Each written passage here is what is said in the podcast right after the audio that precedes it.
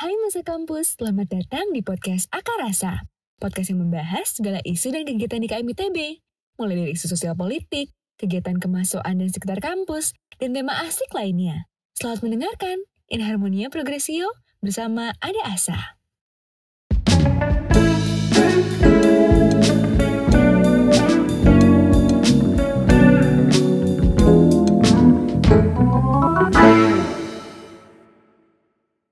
Masa kampus, selamat datang di podcast Dinpus Talk. Perkenalkan, aku Via dari Teknik Perminyakan. Dan aku Jeremy dari Teknik Informatika. Kami akan menemani masa kampus dalam podcast kali ini. Sebelumnya, mungkin aku mau jelasin dulu nih, apa sih itu Dinpus Talk?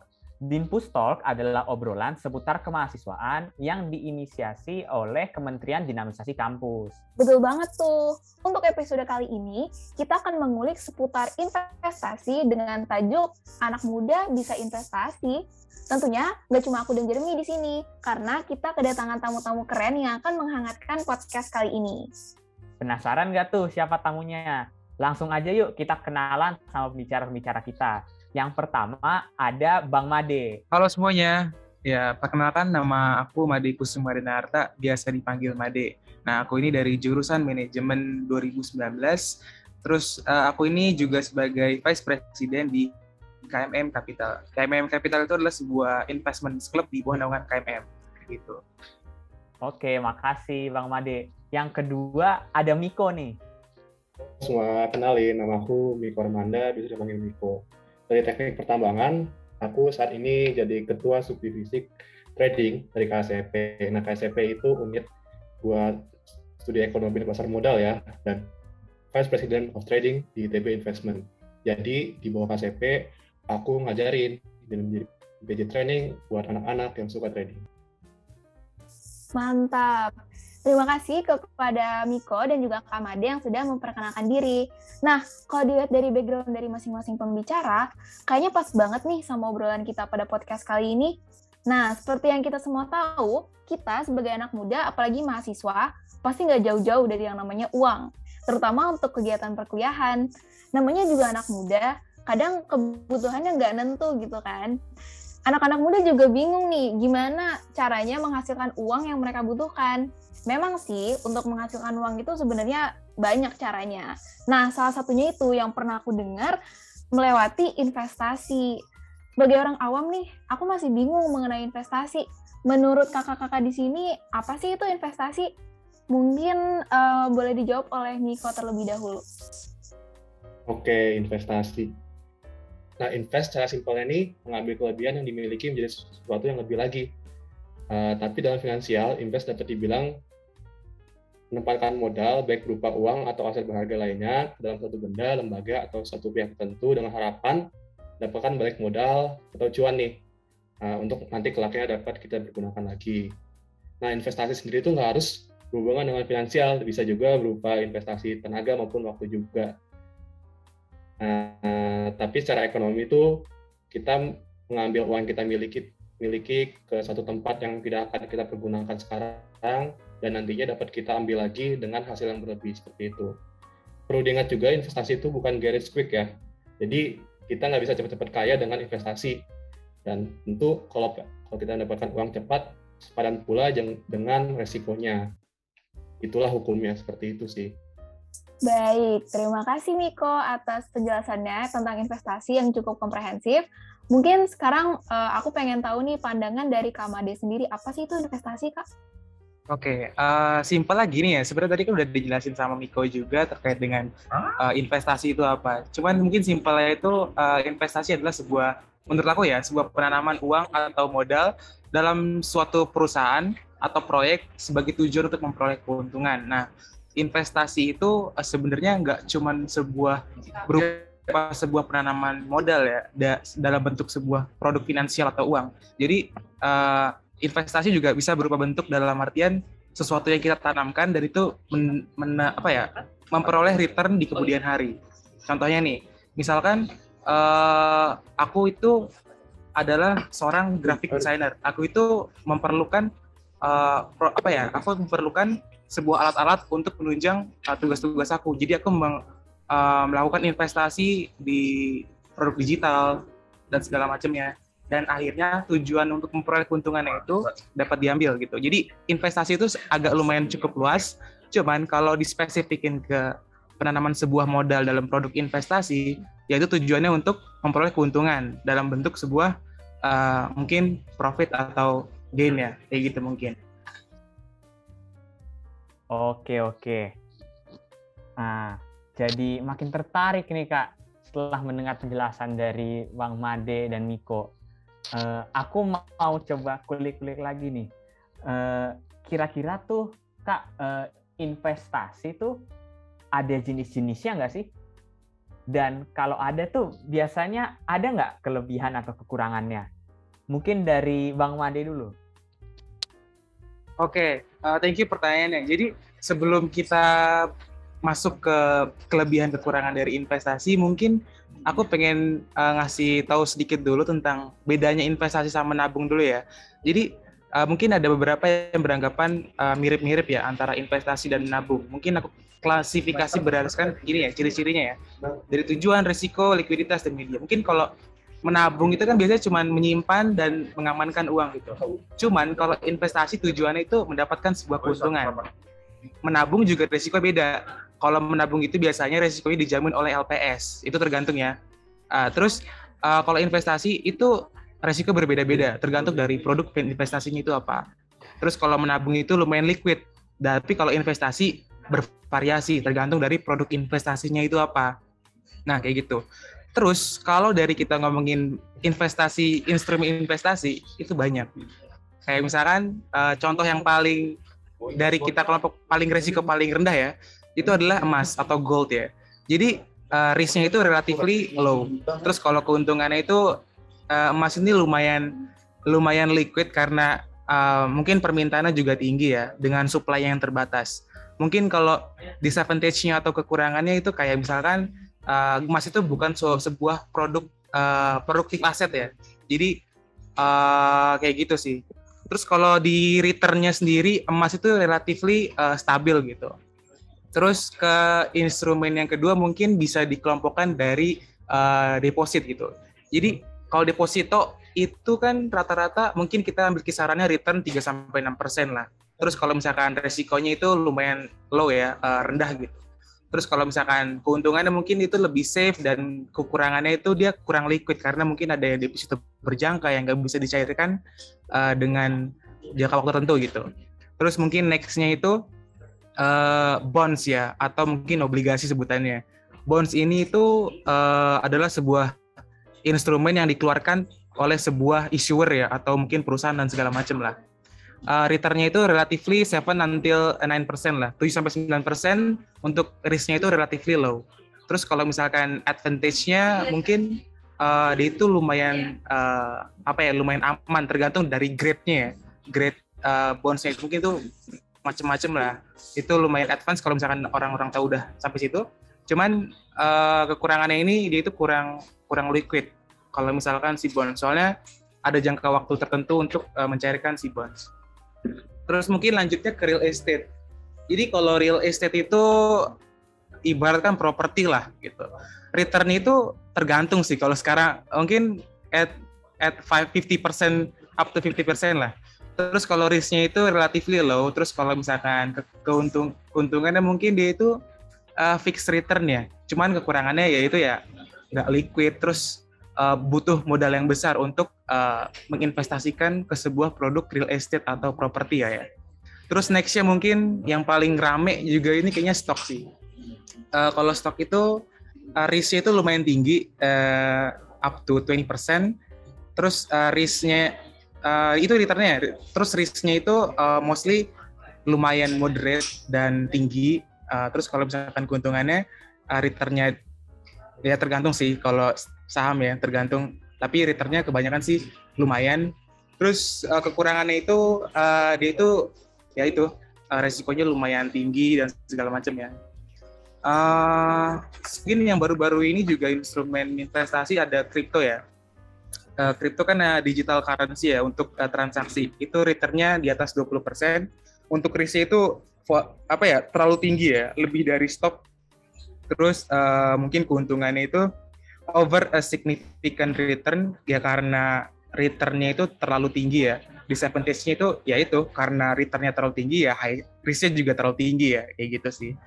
Um, terus juga itu nggak ada limit gain and loss. Kayak misalkan lu sehari bisa boncos ya boncos. Kalau misalkan sehari naik profit tinggi ya profit tinggi gitu kalau kripto terus mungkin nextnya juga ada mutual funds atau reksadana. Kalau reksadana itu uh, mungkin range-nya itu 6 sampai 18 persen ya tergantung itu apa. Uh, risk-nya itu relatively low. Ya kayak gitu sih. Terus advantage sama disadvantage mungkin uh, tergantung ya uh, jenis apa yang diambil gitu. Contohnya misalkan reksadana kan ada macam-macam ya ada ada reksadana pasar uang, reksadana pendapatan tetap, reksadana campuran, reksadana saham, atau it, terus satu lagi ada ETF ya. Itu tergantung sih uh, dari uh, apa, apa ya? Tergantung dari return, resiko, terus jangka waktu dan profil resiko dalam uh, sebuah profil investor lah kayak gitu. Uh, apalagi ya? Mungkin kayaknya itu ya uh, instrumen investasi yang aku tahu. Mungkin itu sih aku kembali lagi deh. Oke oke, makasih Bang Made. Mungkin dari Miko nih pertanyaan yang sama, boleh silakan. Oke, mantap banget uh, Bang Made. Banyak banget ya emang tadi itu beberapa jenis-jenis dari instrumen-instrumen uh, investasi ya tapi mungkin aku bakal ngomongin tentang jenis-jenis investasi.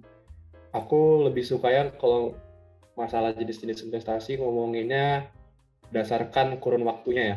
Karena simple banget nih kalau kita bagi jadi kurun waktunya. Kita bisa bagi jadi dua, yaitu investasi jangka panjang dan investasi jangka pendek. Biasanya kalau jangka pendek tuh dibilangnya seorang trader atau trading gitu. Sedangkan kalau misalnya jangka panjang bisa dibilang seorang researcher atau investor gitu biasanya kalau misalnya kita dengar kata-kata invest investor tuh ini yang jangka panjang seperti ini. Untuk diri saya sendiri sih saya masuknya ke area trader ya. Saya lebih suka aja di bidang trading ini karena apa ya? gratifying banget untuk mendapatkan cuan atau penghasilan dalam waktu singkat gitu ya. Teman-teman aja lah ngeliatin uang saya uh, bertambah dalam waktu singkat gitu. Nah, untuk saya sendiri trader ini di mana kita memperjualkan barang berharga gitu. Biasanya tuh yang paling mudah tuh saham atau forex ataupun kripto ya. Dalam waktu singkat. Jadi kurun waktu singkat tuh bisa berhari-hari, minggu-minggu ataupun beberapa menit. Itu trader tuh seperti itu bisa. Nah, itu enaknya tuh tadi udah saya bilangin tuh bisa menikmati keuntungan dan penghasilan waktu singkat. Dan penghasilan juga penghasilannya juga pun bisa dibilang relatif besar juga kalau kita tahu apa yang kita lakuin. Namun kekurangannya tuh yang tadi sudah saya bilangin tuh hukumnya itu high risk high reward. Gimana kalau misalnya resiko semakin tinggi maka reward juga tinggi ya karena karena karena ini rewardnya lumayan tinggi juga pasti resikonya juga besar. Apalagi karena banyak gesekan ya. Kita sering melakukan jual beli pasti resikonya juga bertambah dong. Itu udah udah jelas lah, udah logika seperti itu. Dan kalau misalnya trader nggak tahu nggak tahu caranya dan asal-asalan aja ya wah udah habis itu uang yang kita pakai sebagai modal dan menurut saya yang paling signifikan sih kalau trader tuh uh, disadvantage-nya tuh perlu atensi tinggi yang harus kita kelola setiap saat dan nggak boleh lengah lah. Karena kadang-kadang tuh uh, asal kita nggak tahu bakal jalan seperti apa. Kadang naik kadang turun kadang ujung balik juga bisa. Kita nggak pernah tahu nggak ada yang pernah tahu juga gimana ke depannya. Jadi atensi harus tinggi lah seperti itu. Lalu ada investor. Nah investor tuh sebenarnya jadi investor tuh nyaman. Kita cuma perlu research atau cari tahu lah mengenai saham-saham perusahaan tahu tipe-tipe barang berharga yang akan kita investasikan dan kita proyeksikan ke depannya seperti apa hasilnya. Seperti itu. Lalu baru kita evaluasi dari semua aset-aset berharga tersebut mana yang paling menguntungkan dan baru di situ kita masukkan. Nah di situ baru barulah investor tenang. Mereka dapat menunggu dalam waktu kurun yang, yang relatif lama ya, bisa bertahun, bisa berbulan-bulan bahkan bertahun-tahun, dan di akhir di akhir periode tersebut baru mereka dapat menikmati hasil cuannya. Biasanya juga relatif besar ya hasil cuannya, namun tadi itu kekurangannya adalah kita dari tidak bisa menikmati hasil cuan yang secara singkat dan uh, kalaupun uh, kita mengalami kerugian, kerugiannya itu bisa sekaligus banyak gitu. Karena biasanya seorang investor tuh menanamkan uangnya tuh relatif banyak juga kayak gitu. Tapi ya tadi keuntungan yang paling utama seorang investor adalah tidak perlu atensi atau pengelolaan yang terlalu rumit seperti itu.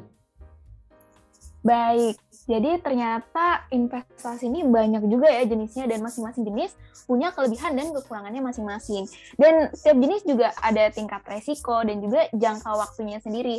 Jadi nanti pinter-pinter kita aja nih dalam memilih jenis investasi yang sesuai dengan kebutuhan kita.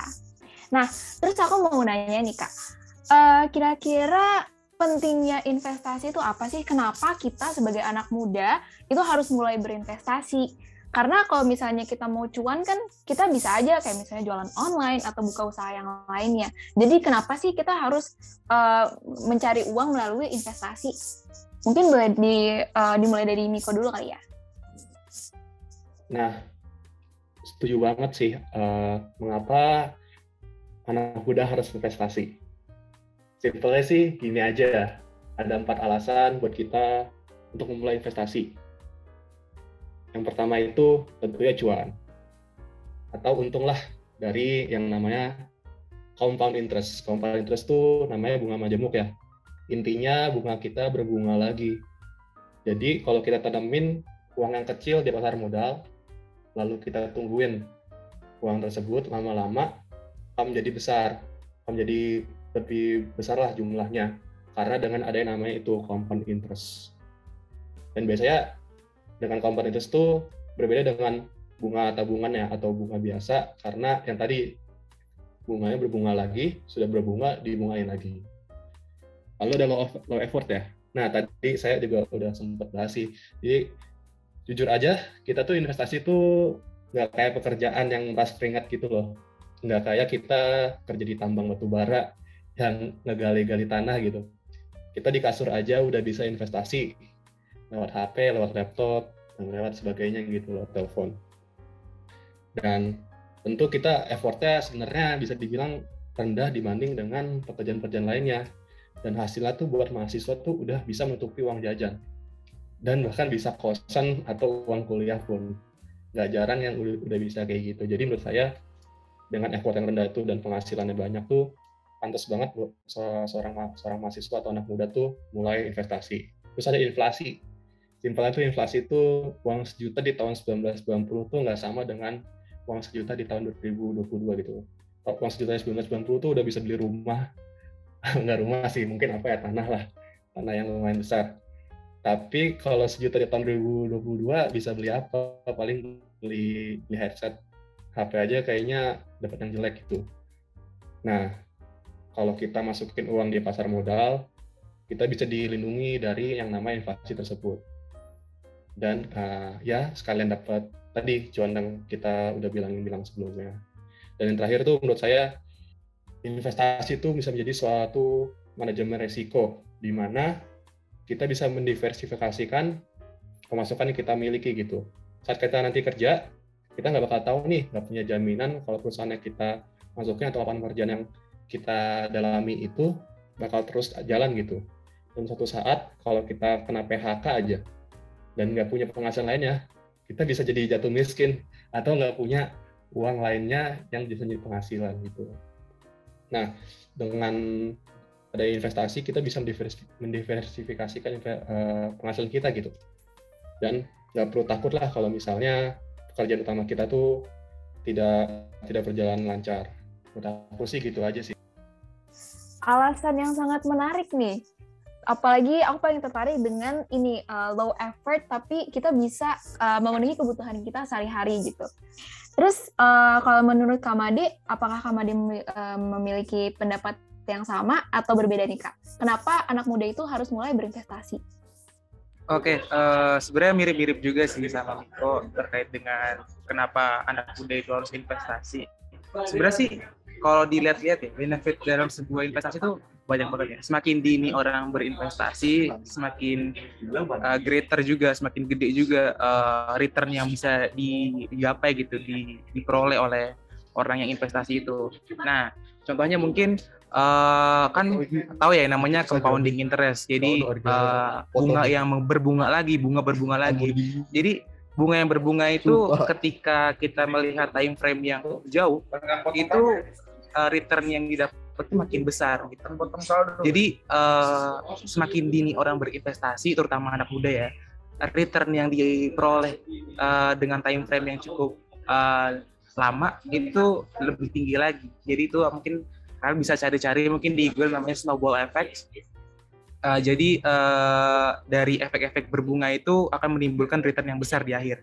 Nah, mungkin contoh-contohnya simple misalkan uh, gini deh. Mungkin contohnya aku misalkan, aku ini uh, punya uh, tujuan finansial gitu. Tujuan finansial aku adalah financially independent.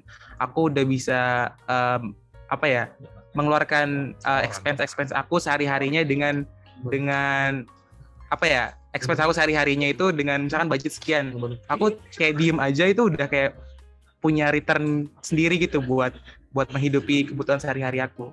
Nah itu kan gimana cara bisa dapat kayak gitu ya aku melakukan investasi itu benefitnya gitu. Jadi uh, mungkin uh, return yang yang aku pengen ini nih yang sebagai benefitnya. Jadi apa sih produk finansial yang cocok, produk uh, investasi yang cocok buat aku dengan tujuan investasi aku yang seperti itu gitu.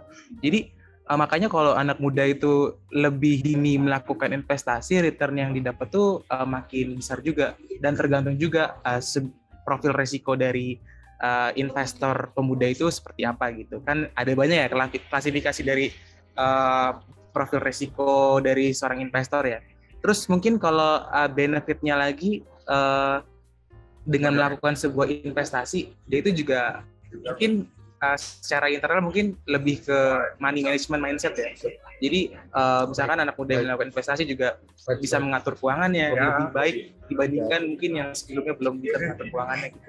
Jadi dia itu tahu uh, cash flow cash flow misalkan uh, ini dibuat buat kebutuhan sehari-hari, ini buat investasi, dan ini buat apa gitu, and so on and so forth. Jadi uh, jadi keuangan itu nggak semata-mata kayak di, misalkan dapat pendapatan terus habis pendapatan habis enggak jadi kayak ada sisi buat uh, investasi uh, dan investasinya itu ada tujuannya. Misalkan uh, aku nih aku pengen liburan ke Bali misalkan tahun depan. Nah kira-kira budget liburan ke Bali tahun depan itu berapa sih? Kira-kira oh aku punya budget kira-kira misalkan 5 juta gitu uh, buat libur Bali. Jadi aku itu perlu berapa berapa uh, nabung berapa sebulan tuh berapa berapa sih yang aku perluin buat buat investasi buat tujuan aku ke Bali gitu. Dan produk finan produk investasi apa yang cocok untuk liburan aku ke Bali gitu. Dengan aku harus menabung misalkan per bulan sekian. Jadi contoh simpel itu dan benefitnya juga tadi udah disebutin Miko terkait dengan uh, penurunan nilai ya kayak misalkan inflasi gitu jadi dengan melakukan investasi kita juga menjaga nilai suatu sebuah uh, investasi itu utuh gitu. Mungkin lebih bahkan. Nggak kalah dengan laju inflasi. Misalkan contoh uh, laju inflasi 10 tahun terakhir misalkan sekitar 3 sampai 5 persen gitu misalkan. Misalkan ya. Dan uh, dengan return kalau kalau misalkan kita lihat uh, mungkin kita contoh ambil kasus stok mungkin kita ambil dia itu lebih dari 20% untuk returnnya. Jadi kan dengan kita naruh nabung misalkan nabung biasa itu kita udah terdelusi ya uangnya sedikit demi sedikit gitu. Tapi kalau misalkan kita menaruh di stok uh, atau saham ya nilainya bakal lebih tinggi justru. Jadi uh, benefit di investasi itu sebenarnya banyak banget ya. Justru kayak disadvantage itu yang sedikit tergantung dari produk investasi apa yang dipilih dan tergantung juga gimana cara memilih produk investasinya gitu. Jadi kan kalau melakukan investasi juga melakukan analisa ya, nah, jangan sampai kayak uh, FOMO lah atau enggak kayak ikut omongan orang lain terus udah ikut-ikutan terus boncos ya. Kan parah ya jadi kan harusnya melakukan analisa dengan tepat sehingga investasi yang dilakukannya itu mendapatkan return dengan tujuan memperoleh keuntungan bukannya malah uh, memperoleh rugi ya kayak gitu sih. Jadi tujuan dari sebuah investasi dapat tercapai. Apalagi masih muda ya lebih muda lebih muda lebih dini melakukan investasi di at the end dengan time frame yang lebih jauh kita mari garis yang lebih jauh ya return yang dapat juga lebih baik gitu. mungkin itu sih simple simple itu ya kalau uh, benefit dari investasi uh, buat anak muda kayak gitu sih Oke oke, makasih banyak nih uh, Bang Made dan Miko. Setelah mendengar penjelasan tadi itu makin tertarik untuk melakukan investasi nih. Uh, aku mau nanya lagi nih uh, ke Bang Made dan Miko nih. Karena sekilas nih aku mendengar kayaknya Bang Made dan Miko uh, udah punya banyak pemahaman nih mengenai investasi. Ada nggak sih tokoh-tokoh uh, atau mungkin inspirasi-inspirasi uh, bagi Bang Made dan Miko untuk melakukan investasi gitu sehingga para pendengar bisa mencari tahu lebih lanjut gitu. Uh, mungkin dari Bang Made dulu. Oke, okay, uh, eh, sebenarnya kalau tokoh investasi itu banyak ya. Mungkin aku karena lebih lebih suka di instrumen saham terutama uh, aku lebih suka ke Warren Buffett ya. Uh, kan banyak ya tokoh-tokoh investasi di saham uh, terutama kayak uh, Warren Buffett mungkin Peter Lynch juga yang baru-baru dengan uh, beda-beda prinsip-prinsipnya. Cuman kalau aku lebih suka uh, Warren Buffett gitu. Jadi uh, kenapa aku suka karena mungkin uh, dia itu pernah bilang uh, investing is about buying a business gitu. Jadi ketika kita membeli sebuah saham, kita kan membeli sebuah kepemilikan dari sebuah perusahaan gitu. Kita menjadi bagian dari sebuah perusahaan yang di mana kita pas membeli kita udah melakukan analisa oh ini perusahaan bagus, oh ini perusahaan gak bagus, oh ini cocok untuk diinvestasikan. Jadi kita tahu uh, seluk beluk bisnis itu kayak gimana, arahnya ke mana, terus uh, diprediksi ke depan uh, perusahaan itu bakal seperti apa. Jadi dengan kita mengetahui apa yang ada dalam perusahaan dan prospek ke depannya gimana, ya itu yang dinamakan investasi yang benar gitu dengan analisa yang tepat. Jadi makanya aku suka banget dengan uh, tokoh uh, Warren Buffett ya. Kayak gitu sih mungkin Oke oke, mungkin kalau dari Miko nih pertanyaan yang sama, ada nggak tokoh-tokoh yang menginspirasi gitu untuk melakukan investasi? Uh, seru banget sih kalau misal soal tokoh-tokoh dan banyak banget. Tadi Bang Made juga udah bahas ya tokoh yang sangat legend banget, Warren Buffett ya, udah jadi seorang legend dari bidang investasi. Tapi aku mungkin mau bahas tokoh yang nggak selegend itu ya, tapi tetap memiliki influence yang besar Nah, salah satu investor yang pertama yang saya temui untuk mulai investasi itu di YouTube ya, YouTube channel. Nah, dia tuh punya YouTube namanya Graham Stephan. Nah, dia itu seorang milenial milenial ya. Dia itu uh, terkenal, cukup terkenal karena dia bisa menghasilkan uangnya, menghasilkan uangnya melalui investasi, investasi real estate atau properti. Pada saat itu dia uh, belum jadi seorang realtor atau landlord dari suatu properti ya. Pada saat itu di tahun 2006 tuh Amerika sedang mengalami yang namanya uh, housing bubble ya, di mana di puncak pecahnya di, di tahun 2006 dan harga properti itu pada saat itu di California sangat-sangat murah lah, benar-benar diskon discounted lah. Dan di situ Graham Stephan sendiri sih manfaatkanlah uh, situasi yang ia sedang alami itu dengan membeli beberapa properti di situ dan ternyata ya ternyata cukup menyukseskan lah. Karena ya sudah tahu di California di Los Angeles harga housing di situ kan sangat-sangat paling termahal ya. Dan saat beli di discounted ya tentu dapat menghasilkan banyak uang lah. Dan di situ mungkin pelajarannya adalah invest seorang investor selain melihat atau menganalisa dari apa yang ia lihat sekarang tuh kadang-kadang juga dapat memanfaatkan keberuntungan gitu yang sedang terjadi pada saat itu. Contohnya tadi housing bubble atau market crash di tahun 2006 bisa dijadikan suatu keuntungan bagi diri seorang investor gitu. Nah, menurut saya juga seorang uh, tokoh yang inspiratif sih buat saya untuk berinvestasi dan di YouTube-nya juga lumayan bagus sih dengan financial advice-nya misalnya untuk kita invest untuk masa tua lah. Karena sebenarnya investment itu juga bukan untuk get rich quick dan kita selalu diingatkan seperti itu. Oke, terima kasih Miko dan juga Kamade atas uh, penjelasannya mengenai tokoh-tokoh yang inspiratif di dunia investasi. Jadi tadi yang aku dengar ya ada Warren Buffett, terus juga ada Graham Stephen di uh, channel YouTube-nya. Nah mungkin setelah obrolan ini juga kita bisa langsung googling nih atau bahkan langsung ke channel YouTube-nya Graham Stephen untuk mencari tahu uh, lebih mengenai investasi. Nah, uh, setelah mendengarkan penjelasan tadi, uh, ada jenis-jenis investasi, kemudian pentingnya investasi, dan tokoh-tokoh investasi, aku mau nanya lagi nih Kak, kira-kira dalam investasi itu instrumen yang kita butuhkan apa aja sih? Mungkin boleh dimulai uh, dari Miko dulu kali ya? Oke, tentu kalau kita mau mulai investasi, perlu mediatornya ya, atau media untuk kita mulai investasi. Tadi udah Bang jelasin sama Bang Mahdi banyak banget instrumen-instrumen investasi, properti, saham, emas, obligasi syariah, kripto dan sebagainya gitu. Tapi mungkin aku uh, bakal bahas utamanya sih uh, beberapa instrumen investasi yang jarang di yang jarang dibahas ya. Uh, mungkin selain saham yang udah cukup populer ya, emas juga kita forex. Nah forex tuh sebenarnya kita melakukan yang namanya jual beli mata uang asing gitu, di mana mata uang asing itu mengalami fluktuasi atau naik turun harga di setiap harinya gitu.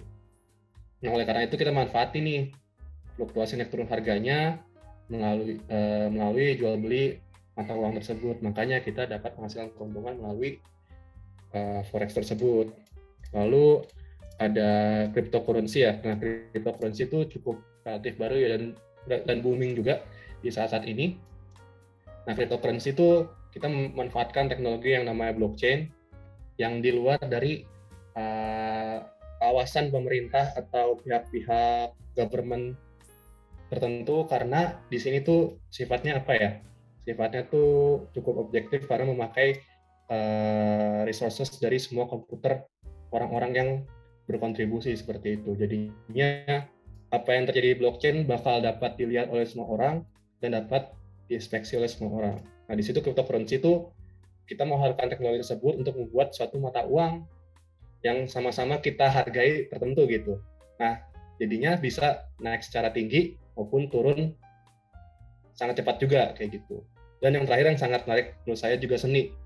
Nah, pada pada tahu nggak sih kenapa kalau kita lihat tuh orang-orang tuh di auction house atau lelang-lelang eh, barang-barang seni itu sangat mahal-mahal. Karena seni itu juga bisa dibilang sebagai suatu jenis investasi. Karena seni itu salah satu salah satu uh, barang yang non fungible gitu. Atau tidak bisa diduplikasikan karena cuma satu dan dihargai oleh banyak-banyak orang gitu. Jadi bisa dibilang sebagai suatu instrumen saham. Kayak gitu. Oke, jadi ternyata selain investasinya yang banyak jenisnya, instrumen dari investasi pun juga ternyata ada banyak jenisnya. Kalau menurut Kamade, uh, apakah ada tambahan dari instrumen yang tadi sudah disebutkan oleh Niko atau gimana nih Kak? Nah, kan tadi udah aku jelasin juga ya di awal-awal tuh ya secara umum instrumen investasi. Dan mungkin aku pengen jelasin sedikit mungkin uh, dari profil resikonya ya. Mungkin kayak misalkan hmm, different people have a different risk profile gitu kan. Jadi secara umum profil resiko itu eh, orang-orang kan beda-beda ya. Kayak misalkan dia itu pengen memilih suatu instrumen investasi itu kan berdasarkan dengan profil resiko investor ya. Mungkin aku bahas deh. Jadi ada tiga ya profil resiko uh, secara umum ya. Ada risk averse, risk neutral, dan risk seeker. Risk averse ini itu tipikal investor yang menghindari uh, risk ya. Jadi uh, return itu lebih besar dibandingkan risk. Terus yang kedua itu risk neutral. Itu itu netral terhadap risk uh, dan return. Jadi ya kalau bisa lah sama lah at least lah gitu. Terus yang terakhir tuh risk seeker gitu. Jadi uh, seorang investor itu uh, mencari risiko. Jadi risknya tinggi gitu. Nah uh, mungkin dari klasifikasi risk itu uh, di ada yang namanya mungkin instrumen ya yang bisa dipilih ya. Contoh misalkan ada seorang A gitu namanya. Mungkin uh, A siapa siapalah gitu misalkan. Dia itu tipikal yang risk averse gitu. Dia itu menghindari risiko. Jadi dia bisa mungkin memilih corporate bonds treasury bonds atau mungkin blue chip stock gitu. Uh, terus uh, mungkin yang kedua kayak risk natural gitu.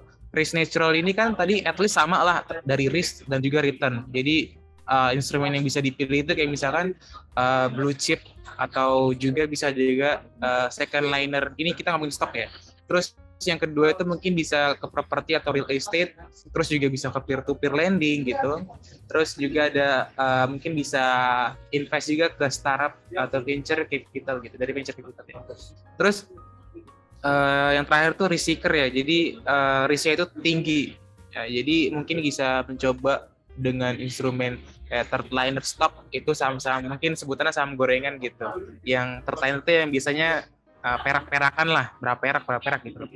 Terus yang kedua itu juga mungkin P2P lending tapi yang tanpa asuransi ya terus juga bisa um, melalui venture capital tapi yang small size small size uh, startup ya. Kalau yang tadi kan risk natural mungkin venture capital juga yang medium to large uh, size lah buat di company-nya. Jadi uh, dari instrumen-instrumen itu kan udah ketahuan tuh. Uh, jadi tipikalnya kayak gimana sesuai dengan profil risiko uh, investor ya. Jadi uh, bisa lebih bijak dalam memilih uh, instrumen investasi dari profil risiko yang dimiliki gitu. Jadi nggak asal aja. Kayak misalkan, misalnya mungkin aku misalkan, aku tipikal yang yang uh, risk averse, cuman aku udah aku risk averse tapi aku malah uh, investnya di kripto kan aneh ya. Uh, dan aku mungkin bisa copot jantung atau senam jantung gitu ketika aku invest di kripto gitu. Nah, jadi uh, harus tahu dulu profil resiko sebelum masuk ke instrumen-instrumen tersebut. Kayak gitu sih mungkin yang bisa aku jelasin terkait dengan instrumen dan profil resiko dari sebuah investor. Mungkin gitu. Oke, terima kasih Bang Madi dan Niko. Nah, setelah mendengar penjelasan tadi itu makin tertarik dong untuk memulai investasi dari sekarang. Nah, dan aku yakin uh, para pendengar juga semakin penasaran nih bagaimana sih uh, kelanjutan dari pembahasan kita mengenai investasi ini. Namun untuk saat ini uh, kami sudahi dulu pembahasan investasinya dan akan kami lanjutkan di part kedua. See you masa kampus.